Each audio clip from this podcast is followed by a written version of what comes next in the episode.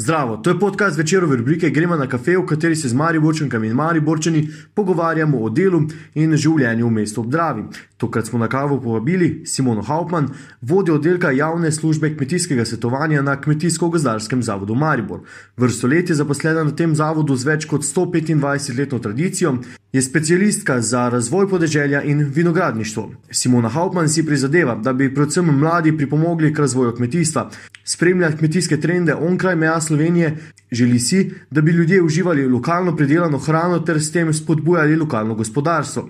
Srečali smo se v kavarni Kalvarija, blizu Vinarske ulice, kjer sedež kmetijsko-gozdarskega zavoda. Pila je met in čaj. Simona Hauptmann, pozdravljeni na kafeju. Zakaj smo izbrali Kalvarijo? Ja, Kalvarija zagotovo je nam blizu, zato ker če pogledam, da je Kmetijsko-gozdarski zavod Maribor kmetijska inštitucija, strokovna kmetijska inštitucija na področju izobraževanja za kmetovalce. Uh, če pogledamo, kakšen ambient, kje se sreča, Kalvarija paše, lociranje Kmetijsko-gozdarski zavod Maribor tukaj pod Kalvarijo. Ne na zadnje, uh, je panoga, ki dajemo v hiši največji podarek, ravno vinogradništvo, sadjarstvo in konec koncev tudi poljedelstvo. To so pravzaprav tista strokovna področja, ki so v našem okolju najbolj osidrana in zopet vinogradništvo, sadjarstvo, poljedelstvo. In tako bi želeli, da tudi je bodoče. Okay, eh, pijete čaj, kakšen poseben čaj? Ali... Pijem met in čaj. Bolj, bolj sem stara, bolj se zavedam, da moramo uživati in živeti lokalno. Okay. In sem zelo ponosna tudi, da izhajam iz kmetije, zelo ponosna, da delam v kmetijstvu in da živim to. In, eh, in ponosna tudi, da sodelavci, s katerimi kreiramo to zgodbo v okviru naše inštitucije, lahko pomagamo celemu podeželju. S tem, ko svetujemo mi kmet, kmetom, eh, številnim društvom, uporabnikom, prispevamo k razvoju podeželja, v katerem živimo. Okay, um, pač prihajate iz Gaja? Ja, Žalcerega vrha. Žalcerega vrha. Um, to je v bistvu kaj, mestna občina Maribor. Mestna občina Maribor. Um, so ti obronki, tako uh, Maribora, ne vem, kdaj zapostavljeni, se vam zdi? Zdaj imate priliko, da lahko začnete. ne, vem, ne bi želela mogoče eh, v negativnem smislu, pa bi tudi imela kaj zapovedati. Uh, ja, uh, sama krajna skupnost Brestenica Gaja, tudi naselja, predvsem Žalcerjev vrh, kao je Žalcerjev vrh, uh, Gaj in Šober spadajo pod mestno občino Maribor in mejijo pravzaprav na samo avstrijsko mejo. In zagotovo kmetje, ki živijo, živimo tam na tistem obmejnem območju, najbolj čutimo uh, to razliko, uh, kaj se dogaja na oni strani meje, ker gre za avstrijsko štajersko, zelo, zelo razvito avstrijsko vinsko regijo in pa kaj se dogaja na našem uh, območju kaj naj izpostavim. Kmetje eh, ne potrebujemo velikih subvencij in podpor, potrebujemo pa podporno okolje. To pomeni, eh, vsak kmet podeželan, če hoče razvijati svojo zgodbo, potrebuje osnove. To so pa cesta, internet, eh, osnovno infrastrukturo, da lahko razvija naprej. Vse ostalo, če posameznik, podjetnik se nekako znajde, tega manjka. In tu smo včasih mogoče res pozabljeni. Veliko je še makadamskih cest, asfaltira se skoraj nič ja, o tem bi lahko še marsikaj povedala. Okay, um, Vse verjetno, ker pač delate za institucijo, ki, ki pozna vsa ta območja, um, kako se te stvari razvijajo. Pač kmetijstvo je vseeno del Maribora, uh, hkrati pokriva vaš uh, zavod tudi um, vse ostale kraje v, v okolici, oziroma občine, ki si jim svetuje. Um, kako se zadeve spremenjajo? Ja. gredo na boljše. Realna slika mogoče je takšna, uh, razmere na slovenskem nivoju se prenašajo na lokalni nivo. In če vidimo, da se vsako leto zmanjšuje število kmetij za 1-3% na slovenskem nivoju, je podobno čutimo tudi v lokalnem okolju. Uh, to se draža tudi pri nas. Dejstvo pa je, da ko gledamo na dolgi rok, uh, preživele bodo zagotovo tiste kmetije, ki so tržne ki nudijo delovna mesta. In tiste kmetije so edini garant razvoja um, za naprej. Kaj se bo zgodilo z ostalimi manjšimi, odročnimi kmetijami, ker ni neke ekonomike, pa je velik vprašaj in to ni samo problematika kmetijskega sektorja, zagotovo je to ena širša problematika tudi sociale. Vsi podatki kažejo, da v zadnjih letih uh, močno rastejo podatki, kar se tiče števila nočitev, popraševanja po prenočevanju, turizem. Zagotovo mi kmetici, še posebej tista panoga, ki je močno povezana z vinogradništvom, vidimo to eno priložnost. Vinogradniki so v zadnjih desetih letih, petnajstih veliko naredili, so veliko investirali in te investicije zagotovo prinašajo en nov veter. Tudi kakovost vina se je dvignila. Vidimo zopet nadgradnjo na podeželju, je interes tudi po večanju nočitvenih zmogljivosti. Seveda to je vse odraz nekih indicov iz širšega okolja. Ampak na drugi strani pa moramo vedeti, da bo lahko preživele tiste, kjer bo neka ekonomika. Zdaj, vi, ne vem, če lahko poveste, za koliko v bistvu kmetija, da ne skrbite, koliko jim svetujete, koliko je teh ljudi, s katerimi Ja. se povezujete in kaj v bistvu vse počnete. Vaš Ja, zavod ker ima dolgoletno spo- tradicijo. Splošen poslušalec ne bo vedel, kako deluje pravzaprav kmetijski zavod Maribor ja, in kako to. delujejo oddelki. Če še malo tu se tega Ja. dotaknemo, pa potem preidemo na to. Znotraj Kmetijskega gozdarskega zavoda Maribor je največja ekipa in število svetovalcev je več oddelkov. In največji je oddelek javne službe kmetijskega svetovanja, v katerih je zaposlenih 20 kmetijskih svetovalcev. Potem je oddelek za varstvo rastlin, potem imamo laboratorij za vino in za zemljo, tu gre za akreditiran laboratorij, kar smo prav tako zelo ponosni. Potem imamo uh, oddelek uh, Sadjarski center Maribor, ki je lociran v Gačniku, gre za poskusno postajo, uh, na, ki deluje na področju sadjarstva. Potem imamo pa še uh, sadjars, uh, tržni, tržničarsko središče Ivanjkovci, ki pa je locirano pri Ormožu. Tam pa gre za selekcijsko službo na področju vinogradništva.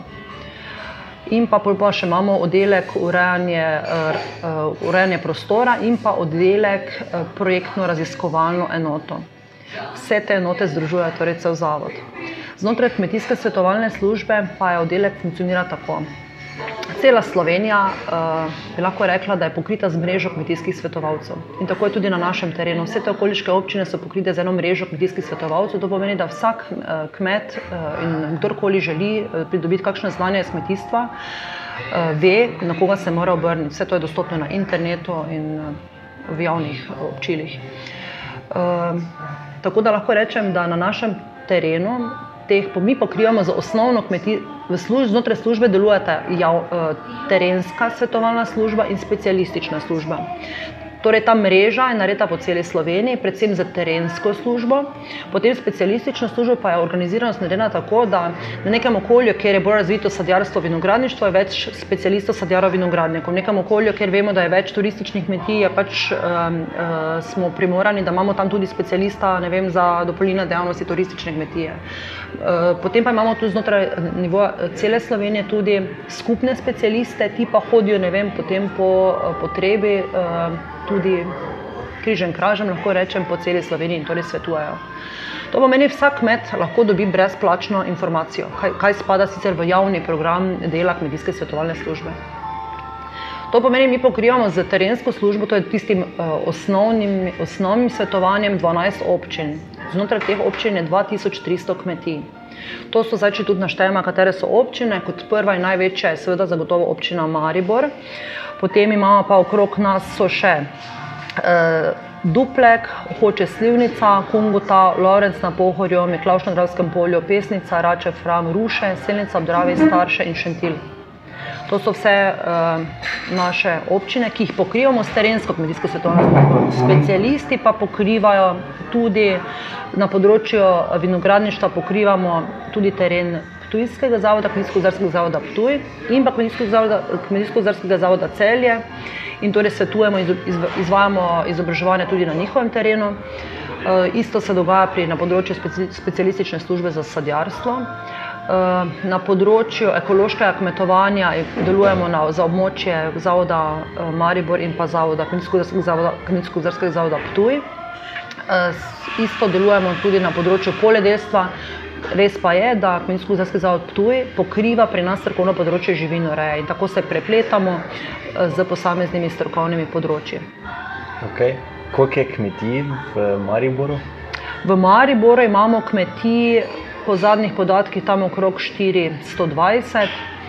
Uh, ja, v zadnjih letih je mogoče število uh, nekoliko uh, začelo padati, To je zdaj pač trend uh, stanja splošnega v Sloveniji. Meni pa je v velik, uh, ne vem, notranji en taki klic uh, zmanjševanje števila malih kmetij. Realno dejstvo je, da ugašajo male kmetije. Čeprav podatki kažejo po drugi strani, in ko sem pred enim mesecem delala tudi eno statistiko, kaj se dogaja na področju kmetijstva, predvsem vinogradništva, tudi v Nemčiji in Avstriji, tudi tam je prišlo do strukturnih sprememb in sicer na eni strani zmanjševanja števila kmetij, na drugi strani pa povečevanje veli, posestne velikosti. To pomeni, da se število kmetov manjša, res pa je, da se povečuje velikost posamezne kmetije. Tudi za nemške podatke kaže, da se je poprečni vinogradnik dvignil iz takrat tistih ena hektar pa pol, da se je dvignil na tri hektare, kar še vedno ni veliko. To pomeni, da še vedno imamo, ma, tudi v Evropi masa manjših vinogradnikov in tudi podatki iz Avstriji um, um, pravijo, da so v zadnjih 25 letih dvignili iz tiste poprečne velikosti 0,5 hektarja na zdajšnjih 2,5 hektarja, kar je Zopet se nam zdi, da je uh, poprečna velikost vinogradniške kmetije tukaj na Osijski Štajerski 2,5 hektarja se nekomu zdi mala, ampak to je dejstvo. Poleg nekaj velikih je še vedno masa malih. Res pa je, da je, uh, če hočejo živeti mali in veliki skupaj, morata biti dvotirna sistema. Veliki tržni zagotovo uh, so sposobni sami pridelati in finalizirati svoje produkte do trga in jih tudi sami tržiti. To so tipični primeri, zopet, če gremo na samo vinogradništvo. Ne? Mali pa potrebujejo, seveda, ker nikoli ne težko je konkurirati v kakovosti, ker nimaš tehnologije, ker tehnologije na razvoj ne gre normalno, ne, normalno naprej. Težko je konkurirati mal, malemu z velikim in mu iti v štric, tudi kar se tiče kakovosti in zagotavlja tudi količine. Naprimer, Zato je v vsakem okolju, ker vidimo, da so razvojna, imajo poleg velikih organizirane tudi zadružne sisteme in zadruge, ki odkupijo teh manjših te pridelke grozdja, ki tako rekoč tudi prihajajo na trg. Pri nas, v našem okolju, Mariborskem, pač žal tega organiziranega odkupa grozdja ni. Mhm, do... Najbolj se pa čudi to v letih, ko je pridelek grozdja v Avstriji velik. Takrat se meje tako rekoč zaprejo, sicer ko je po gori pridelek nekoliko slabši, nekaj grozdja najde svojo pot tudi do kupca. Ko pa je gori pridelka veliko, pa se tu zatakne in eh, vse, vse pridelek se predela v vino na našem območju in potem pride tudi do večje konkurence in eh, tako rekoč na trgu. Ja, zdaj, tudi pri nas se dogajajo ti odkupi ne, od manjših vinogradnikov, um, za, za, za večje pa so cene za grozdje. Ja. Za uraden promet mora biti posameznik za to registriran kmetje, tako rekoč, eh, ne moremo kupovati eh, od kmet, kot posameznik ne more kupovati od drugega, to lahko upravlja le podjetje. Mhm. Torej, to, kar se dogaja, se dogaja um, izven okvira. Saj veste, to ni naša vloga, mi smo v vlogi svetovalne službe, pomagamo, Aha. kar se tiče svetovati, kar se tiče tehnologij v kmetijski pridelavi, tudi predelavi. Naš namen je, da spodbujamo predvsem uh, dopolnilne dejavnosti na podeželju, ker vidimo, da naše kmetije so male. Ne, in problem je, če ti vidiš, da za osnovno kmetijsko dejavnost ne moreš preživeti, dajmo razmišljati skupaj, kako najti neko dopolnilno dejavnost, kjer bi lahko tudi še nekaj zraven zaslužili, da bi se kmetija iz tega lahko solidno živela. In če zdaj, ko sem to rekla, se mi visa vedno preide na mlade, mlade kmete. Kaj je bistvo mladih? Pri mladih jaz vidim zelo velik izziv. Mi smo imeli pred ta petek na, na, na kmetiji Vino Štajer. Uh, smo povabili mlade tržne vinarje, izključno tržne vinarje. Zbralo se jih je 56, to pomeni 56 mladih iz tržnih vinogradniških kmetij je prišlo to na, na to lokacijo. Čutila sem veliko napetost in pravzaprav uh, tudi uh, Danilo Štajer, ki nam je pomagal zmoderirati ta večerni dogodek, je z enimi lepimi besedami mlada generacija regija vas potrebuje. To je en klic, pravzaprav mi potrebujemo to mlado generacijo pridelovalcev, kmeticev, ne samo v vinski branži, tudi na ostalih sektorjih, da bo ponesla nek, da bo neki večji razvoj, nek preboj eh, v smislu pozitivnega. Uh, res pa je, pri mladih jaz vidim, da se ne bojijo delati. Uh, včasih si mislimo, da ja, se mladi, mladi, mladi ne bodo delali, bodo zapravili. Včasih tudi slišiš na kar se marsikateri kmetiji. Res pa je, da mladi želijo delati, pa solidno živeti, tudi zaslužiti. In zakaj kaj je v tem narobe, če nekdo želi zaslužiti? Ne, vsak hodi v službo zato, da zasluži. In to moramo razumeti, tu se potem zatakne. Kaj delati na kmetijah, da bi lahko solidno mladi živeli. E, tu se pa zatakne in zato je lažje tistim kmetijam, ki so kmetije, ko so kmetije že usmerjene v neko proizvodnjo in prevzamejo že neko usmerjeno kmetijo in lahko samo nadaljujejo. Malo težje je, ko je kmetija vem, na začetku nekega razvoja, ampak tudi tam se da. Poglejte, v okolju imamo kar nekaj pozitivnih idej, ko so posamezniki začeli z nič, pa ste jih že tudi omenjali v vaši, vaši reviji, začeli z nič. Res pa je, da treba, moraš imeti dobro idejo. Zato jaz vidim tudi, ko uh, gledam. Uh, um, Tam je na, na televiziji. Ko gledaš te oddaje, včasih tudi po številnih medijih, tudi po televiziji, pa je to bodi si uh, Štartaj Slovenija, bodi si je to agrobiznis. In če spremljaš samo te zgodbe posameznikov in poskušaš na svojem območju to potem uh, implementirati, rastejo ideje. Gledajte. Zato je treba No, ki vsega je, treba je, it, treba je si ogledovati, oglede dobrih praks, treba je hoditi na ekskurzije, treba je iti kam v tojino. Uh, ni se zabavati, tudi včeraj je bila ena reportaža, ko je eden izmed komentatorjev rekel, da ja, mladina odhaja, ni se zabavati tega. Tudi jaz sama sem lahko čudenka tri mesece v Švici, ampak to so ti samo uh, neka taka zadeve, ko ti odpira pogled, ko prideš nazaj. Uh -huh. um, zdaj z mladimi seveda svetujete, imate tudi tečaje, uh, zdaj se začenja en tečaj. Koliko se ljudi v bistvu odrežuje teh vaših izobraževanj? Uh, Zdaj, nekatera so v bistvu nujna za to, da stvari um, ja. se razvijajo, ampak pridejo ljudje k vam, se pa zanimajo, ja. iščejo. Mi vsako leto, meseca novembra, uh, naredimo program celoletnih izobraževanj za celo, za celo izobraževalno sezono. Ker pa je kmetijstvo pač specifika, mi vemo, da v poletnem času ne moremo imeti izobraževanj v učilnici, je takrat naših pridelovalcev kmetov ni. Sezona, oziroma čas, ko je nekaj več časa, da se tudi kmet nameni izobraževanju, je zagotovo zimski čas. Res je, snega ni. Ampak kljub temu mi smo izobraževanja pripravili. Uh, začnemo vedno s prvim tednom v decembru, ko imamo največje naše strokovne dogodke, to so Lomberg, Lombergarjevi dnevi, ki jih organiziramo že vrsto let. Gre za mednarodne posve, strokovne posvete na področju sadjarstva, vinogradništva in bienalno zelenjadarstva in pa poljedelstva. In potem jav, po novem letu, z januarjem, vse do konca marca, si vrsti skoraj vsak dan eno do dva predavanja. Večinoma teh predavanj je brezplačna, vekolikor pa gre za kritje kakšnih materialnih stroškov ali ogledi dobrih praks, tam pa moramo tudi, uh, si morajo ti stroški tudi poravnati. Ja, nekaj teh izobraževanj imamo tudi uh, na terenu, na kmetijah, tako smo imeli. Nekatera izobraževanja ne potrebujejo praktičnih prikazov in tista so se gotovo v učilnici. Tista izobraževanja, ki pa potrebujejo tudi praktični prikaz in imeli smo že izdelavo klobas, Imeli smo zdaj v preteklem tednu tudi uh, uh, za vse tiste, ki se ukvarjajo z predelavo mesa, na kmeti, zopet na eni izmed naših kmetij. Uh, je bila kmetija pripravljena, da smo imeli razsek in razkosavanje mesa, svinje. Zopet z namenom, kajti mi vemo, da uh, meso, ki ga da, bodi si meso v tunku ali delajo se bunke, uh, karkoli, mora biti kot mesa zelo lepo izoblikovan. Tudi ni vseeno, ko daš meso v pečico, kako je pravzaprav meso oblikovano, kaj ti to vse vpliva na okončno obliko uh, in ne nazadnje tudi na kakovost mesa na krožniku. Me razumete? Mm. Potem imamo prikaze, eh, med, največ teh prikazov je potem med vegetacijo, tako imamo prikaze zimskih rezi, zdaj imamo na področju vinogradništva imamo zdaj zimsko res. Zimsko res izvedemo na enih 25 lokacijah to je na področju vinogradništva. Potem vemo, takoj po trgatvi izvedemo, eh, ko je mlado vino in ko je čas mladega vina, vino, vemo, da je treba stalno spremljati. Izvajamo na širšem terenu, v celem podravju, okrog 30 delovnih degustacij. To pomeni, da naša strokovnjakinja uh, vina pokusi in iz, uh, poleg tega tudi skomentira, tako da udeleženci lahko vidijo in jim seveda.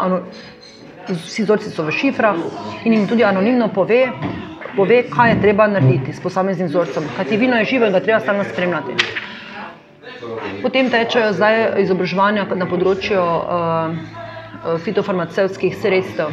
Veste, da vsak posameznik, ki dan danes uporablja fitofarmacevska sredstva, mora imeti za to uh, določeno znanje, izkaznico in seveda tudi to je možno pri nas dobiti. Potem tekom vegetacije organiziramo uh, delavnice, kar se tiče pravilnega dognojevanja, tako pšenice, koruze. Potem smo imeli uh, izobraževanje, organiziramo tudi delavnice, kar se tiče rabe kmetijske mehanizacije. Tako vsako leto, prvi teden v juniju, organiziramo ravno tukaj pod Kalvarijo, zopet na biotehnički šoli.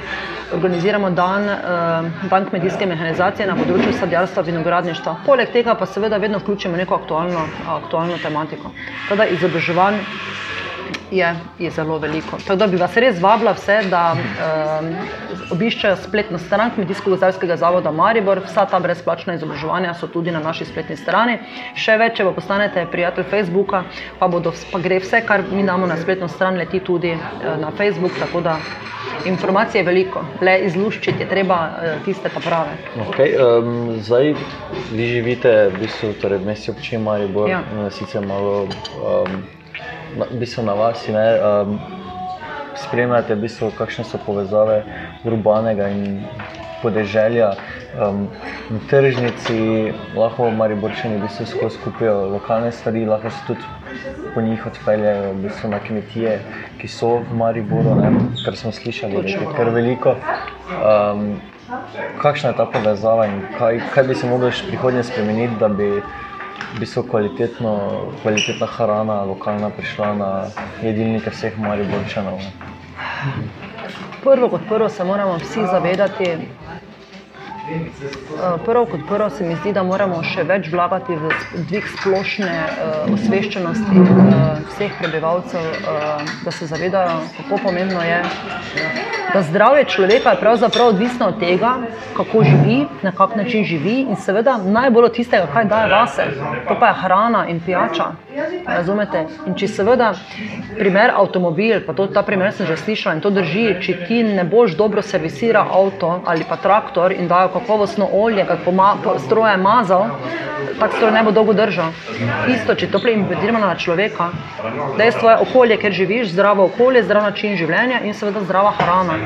To pomeni, še več bomo morali preko vseh eh, občil javnega obveščanja eh, obveščati, kako pomembno je uživanje zdrave, lokalno predelane hrane. Če, na, na, čem, na tem, če smo na tem naredili dovolj, nismo. Zato, ker res pa je, da vse ni odvisno od, od, od, eh, od tistega, ki kupuje, veliko odvisno tudi od življenjskega standarda, ki je v okolju. To moramo tudi vedeti. Ja, v mariborskem okolju na prvem mestu uh, lahko rečem, kar se tiče povezane ponudbe, uh, funkcionira prodaja na tržnici. Vi veste, da imamo dve tržnici, ekološko in pa um, tržnico Združenja pridelovalcev vrtnin. Dalo bi se še kaj več narediti, zagotovo nikoli ni dovolj, ampak obe živita. To pomeni, eno je, da imajo mari bočani možnost uh, uh, kupiti hrano neposredno v centru mesta, na kateri od tržnic, pa tudi več tržnic, pa še več ostalih tržnic, zgornja tržnica se zdaj tako selila na spodnjo tržnico. To je eno. Tudi v, na ostalih občinah vidimo, da se trudijo s to vrstno ponudbo, da mogoče ob soboti, sobotah ali pa kakšnih drugih dnevih organizirajo nekje v teh manjših zaselkih neke tržnice, da približajo ta mož, da možnost nakupa. Drugo je, da največja dodana vrednost in mi, mi v okviru kmetijske stolne službe poskušujemo tudi to, da moramo se naučiti tudi odpirati vrata svojih domačij. Ni samo dovolj, da ti pri, da prodaš, uh, uh, prodaš bodi si korenček, bodi si vino, ti, mo, uh, ti moraš spodbuditi pri potrošniku zaupanje. Kako pa to, s tem, da ti pravzaprav odpiraš svoj dom, svoje vrata, svoje domačije, svoje družine, kar pa ni tako enostavno. Ne? Zato, ker za sabo to še marsikaj potegne. Res pa je, da če ti nekdo prinese denar neposredno na dom, pravzaprav brez, brez vsakih dodatnih stroškov. To pomeni cilj zagotovo je proda, ne, večanje, krepiti prodajo neposredno na domu. Zanimivo pa je podatek, ki sem ga ujela ta teden iz same Avstrije, če, zopet, če se vzamemo na področje vinogradništva. Zanimiv podatek, ki kaže, da v Avstriji beležijo rahlj trend upadanja neposredne prodaje na domu vina. To pomeni vedno, To pomeni, da ti trendi se spremenjajo, isto kot se spremenja moda. Mi vemo, da se generacije spremenjajo in s tem se spremenjajo tudi eh, nakupovalne navade. Če ena generacija je bila bolj navajena kupovati na tržnici, mi rečemo, da bo naslednja, kajti tudi delovni čas se spremenja. Ne? Razumete? Jaz kot Simona Hovma, ker sem pač še v službi, ker doma kmetija ni iz kmetijske dejavnosti, ne moramo preživeti, nimam časa iti na tržnico. Zato sem prisiljena tisto, kar je pač potrebno dokupiti, da kupim nekje ko je pač odprto, bodi si zvečer ali pozno popovdne. Ne? Zopet me, me osmerja mene, kot sem uslužbenko, me osmerja v neki trgovski center. Ali pa, da grem za vikend kupiti neposredno na kmetijo, če imam čas. Kaj pa bi želeli, mogoče vse mi vseeno v okviru kmetijske svetovalne službe? Začeti bi morali razmišljati o tem, uh, Slovenci smo zelo navajeni, da imamo, ne živim, ne živim, radi imamo svoje hiše, radi imamo ohišnico, radi imamo vedno bolj tudi, da imamo nekaj svojega. In zdi se mi, da smo mogoče tukaj tudi spremenili, da smo te vrtove okrog hiš spremenili v zelenice, kaj nam zelenica prenaša. Tudi zelenico je treba negovati. Bi se mogoče mogel vsak vprašati, kaj pa lahko naredi zase, da bi imel svoje jabolko, da bi ga trgal. Zasaditi na mest na tej zelenici, zakaj pa ne češnjo, zasaditi, če je dovolj prostora, kakšno jablano, slivo. Konec koncev imamo danes veliko odpornih sort, sadnih vrst, kot tudi uh, grozdja, namiznega grozdja in sicer govorimo o odpornih sortah, nekaterih pivi sortah, interspecifičnih sortah. Vse to možno na trgu dobiti. Zakaj to govorim? Zato, da si bi pridelali nekaj tudi zase, da bi dvignili samo skrbo, razumete? Na drugi strani pa, da bi čim manj uporabljali fitofarmacevska sredstva. Zopet se bom s sodelovcem, predtem sem se odpravljala tam na, na ta pogovor, smo pogovarjala se v tem smislu, da moramo tako rekoč skrbeti za zdrav način življenja, s tem, ko oskrbujemo bodi si ohišnico, se gibamo, rekreiramo in tako pravzaprav koristno izkoristimo svoj čas. Popoldanski. To je ključno. Torej, naš cilj mora biti krepiti lokalno, domače in s tem krepiti slovensko gospodarstvo vedno težje to določiti. Včeraj sem jih dala za misel in to bom zagotovo uporabljal na marsikje na predavanju. Eno leto brez letalskih letov. Kaj veste, kaj to pomeni? To pomeni, da se zavestno odločimo, da bi podpirali evropsko gospodarstvo ker znotraj Evrope pa mi lahko gremo z avti, ne se zadnje, ne z letalom nekaj, mi vemo, da letalski promet močno nasnažuje okolje. Vprašati se moramo vedno, kaj lahko prispevam k, k, k svojemu izboljšanju zdravstvenega stanja, načina življenja in pa konec koncev tudi podnebja. Vsi, ki živimo na tem planetu, mi kmetici zagotovo se tega zelo zavedamo.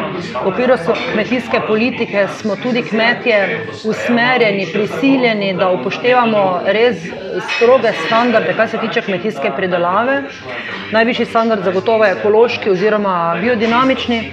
Uh, tudi tukaj se zadeve spreminjajo, pa kakorkoli.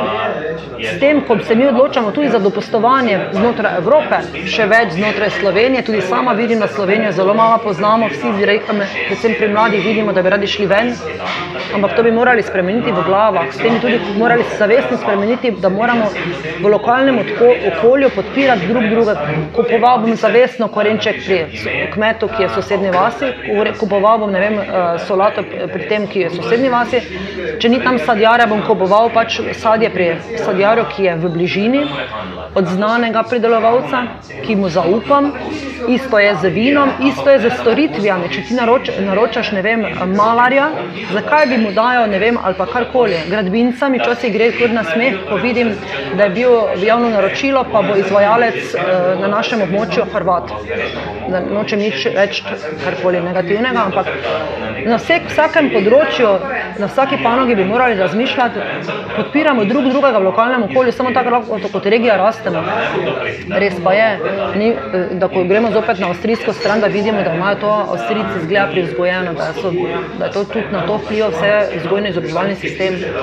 Mi se zdaj zopet zavedamo tudi, da moramo tudi eh, stopiti eh, in ponuditi roko eh, tako šolam, vrtcem in v okviru kmetijske svetovne službe naredimo en taki lepi dogodek, ki je tradicionalni eh, slovenski zajtrk.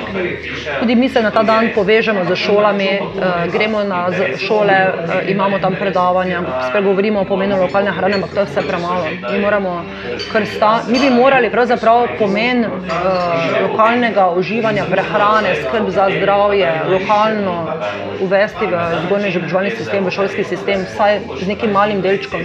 To, ta ideja domobranska vzgoja, kak bi bila zelo dobrodošla znotraj te tega predmetnika, bi morala biti tudi. Bi morale biti tudi vsebine, da bi mi to mlado generacijo naučili, kako pomembno je, da uživamo hrano, ki zraste iz lokalnega okolja.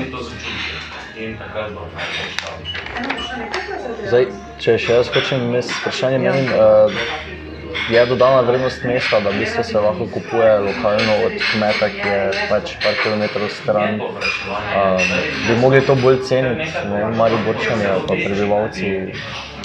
Mesta in okolice. Ja, to je velika prednost.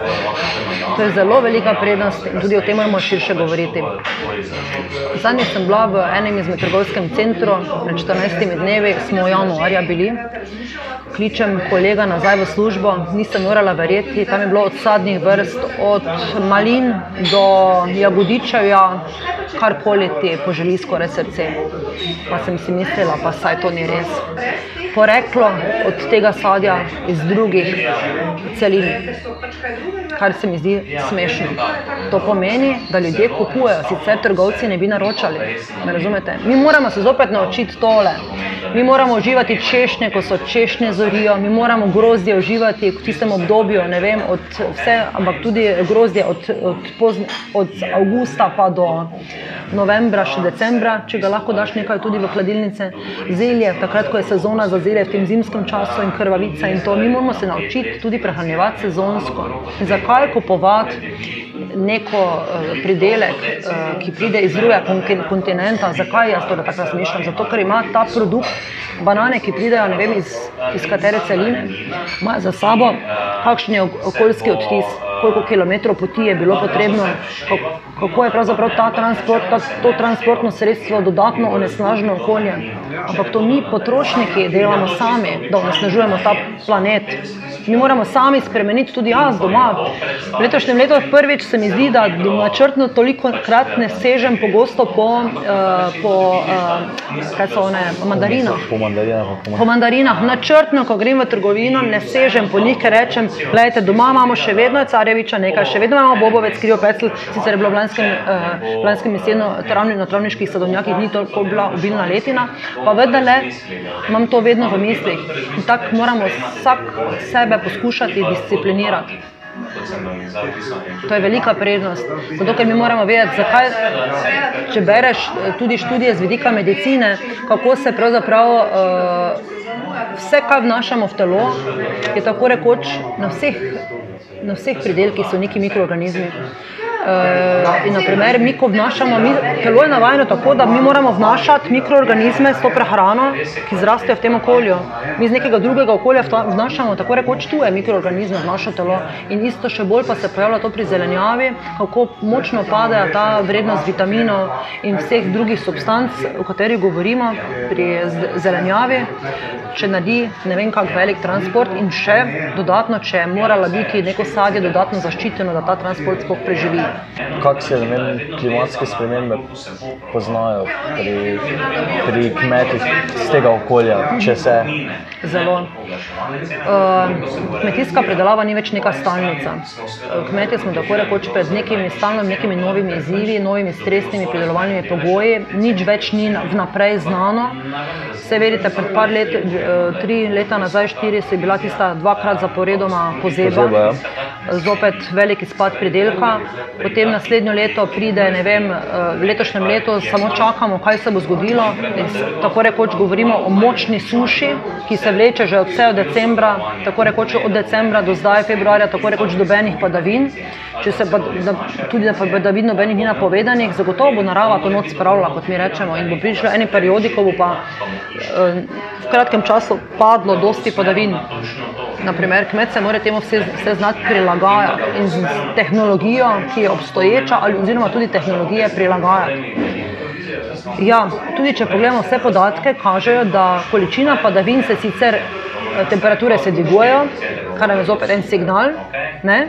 To pomeni, tudi če zopet prelevim na področje vinogradništva, zagotovo je za razmišljati, da bomo v bodoče na dolgi rok sadili kakšno sorto, tudi rdečo, dodatno rdečo sorto, ki sedaj ni še vpisana na, na sortiment za, za podravje. In bomo mogoče sadili kakšno rdečo sorto, ki raste, uspeva danes v nekih južnejših krajih, kjer je več sonca. To je en signal.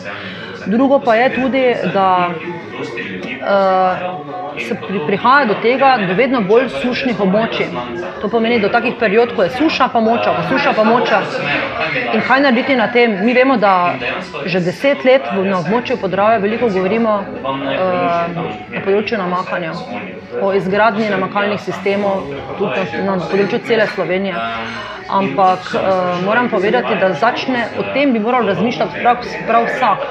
Vsak, ki ima hišo, ki ima neke strehe, bi morali razmišljati, ali lahko na mesto vode iz pipe za namakanje, bodi si trate, bodi si rož, bodi si uh, vrtnin, karkoli imamo, že, če prelivimo to na najmanjšo enoto, stanovansko enoto, hišo, kako lahko pravzaprav bi um, zbrali, pobirali to vodo iz streh, takšnih in drugačnih zadrževalnikih. Res pa je mogoče to en predlog, da bi morali tudi uh, izgradnjo tak, takšnih od malih do večjih, od privat do za kmetijsko pridelavo še dodatno bolj spodbujati.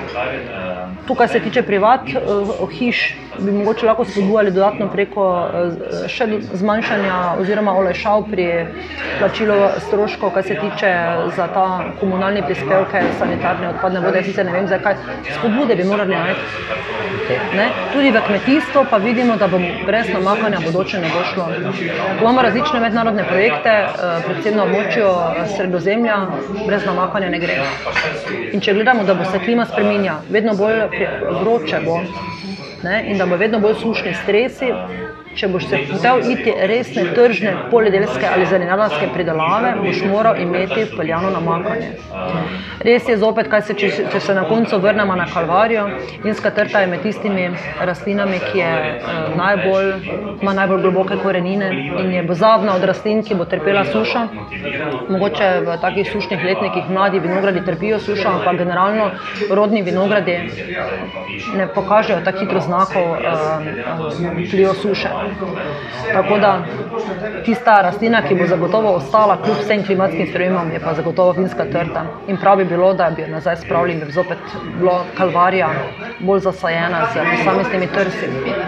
Zdaj, vi ste specializirani bili? Jaz sem drugače specialistka še vedno za vinogradništvo. Kakšni so trendi um, in kaj se napoveduje. Nekaj zdaj ste že omenili, uh, rdeča, rdeče sorte. Uh, ja. kaj, pa, kaj, kaj je zdaj najbolj zaželjeno med uh, kupci? Uh, Kje sorte bi mogli mari boljše piti, da bi še bolj spodbujali lokalne uh, vinogradnike? Ja, zagotovo. Tako bom začela. Ko greš vem, na Burgenland, na Avstrijsko Štajersko, zagotovo vem, da je to ena regija, kjer ima bogata rdeča vina, je tam prav, da se nažiješ bogate frankine Cvajgelda. Ko greš uh, v Avstrijsko Štajersko, vemo, da ti bodo ponudili laški rizling, beli pino, bodi si sovinjon.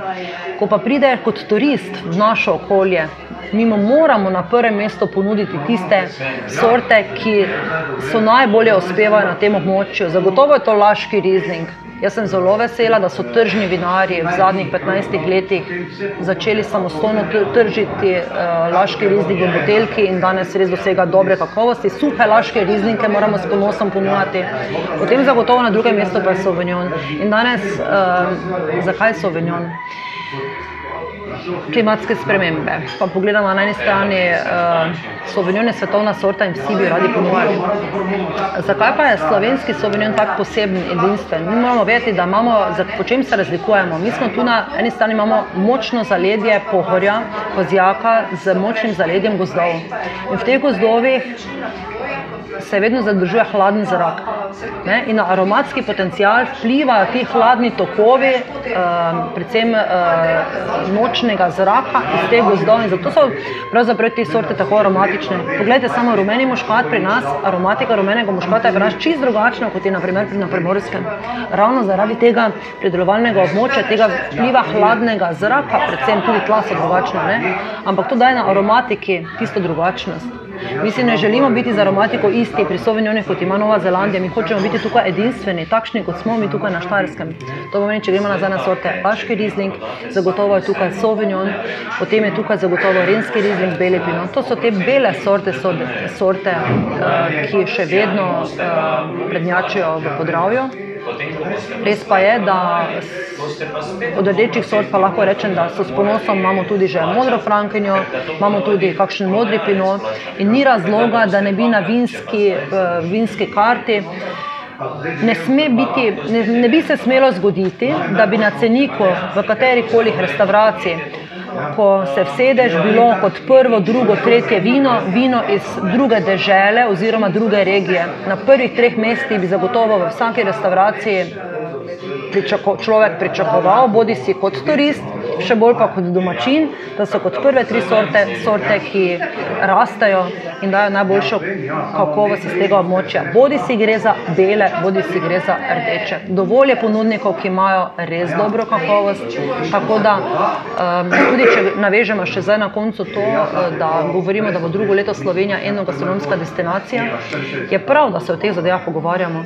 Mi moramo uh, spraviti na uh, hiše uh, v gostin, gostinstvo, na drugi strani pa tudi še pospešeno v, pospešeno v vse javne zavode, šole, vrtce, čim več lokalne, lokalno predelane hrane.